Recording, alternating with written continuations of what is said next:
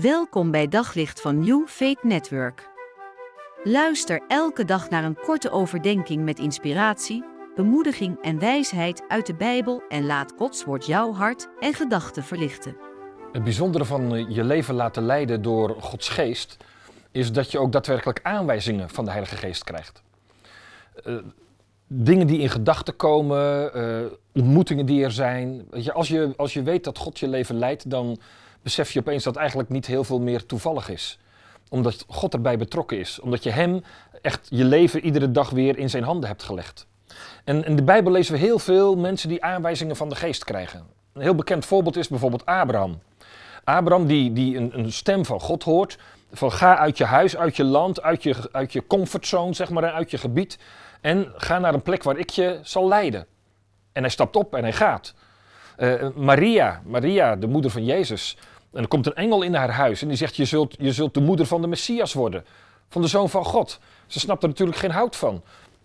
Maar ze zegt: Oké, doe maar, doe maar. Dus als je je leven wil laten leiden door de Heilige Geest, is de manier waarop je reageert op aanwijzingen van de Geest is door te gehoorzamen. Maar hoe zie je nou zo'n aanwijzing van de geest? Nou, die is er. Psalm 91, vers 15 zegt: Roep je mij aan, ik geef antwoord. God geeft aanwijzingen, God geeft richtingwijzers. Alleen dat is niet altijd eenvoudig. Je moet echt dat, dat leren uh, ontdekken. Een heel mooi voorbeeld daarvan vind ik Paulus. Paulus is een biddende man, laat zich helemaal leiden door de geest, is vervuld met de Heilige Geest, hè, lezen we steeds in zijn brieven. Uh, en dan is hij op weg om te kijken van waar kan ik het evangelie allemaal verkondigen. En dan staat er dat hij op een gegeven moment, dat hij zegt, nou, zullen we naar het noorden gaan, zegt hij tegen zijn, zijn reisgenoten, zullen we naar het noorden gaan. Maar staat er dan, de geest verhinderde hem denk oké, okay, dit is kennelijk niet de bedoeling. Misschien een weg opgebroken of uh, uh, zijn ezel wil niet meer verder. Ik weet niet wat er is. Uh, dan zegt hij, oké, nou dan gaan we naar het zuiden. En, en, en hij gaat naar het zuiden en opnieuw staat er en de geest verhinderde hem.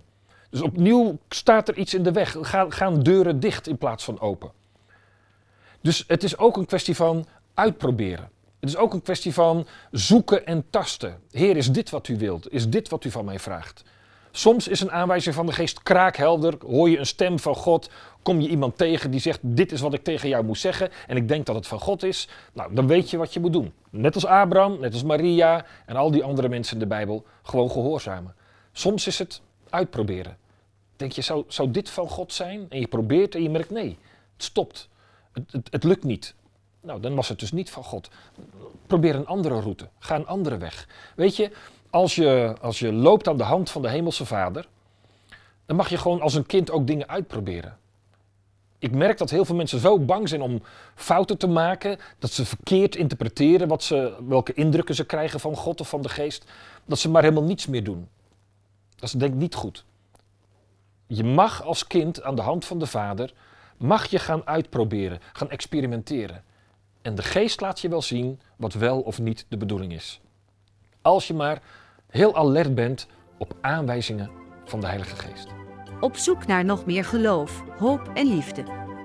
Op New Network vind je honderden christelijke films, series en programma's. Nog geen lid?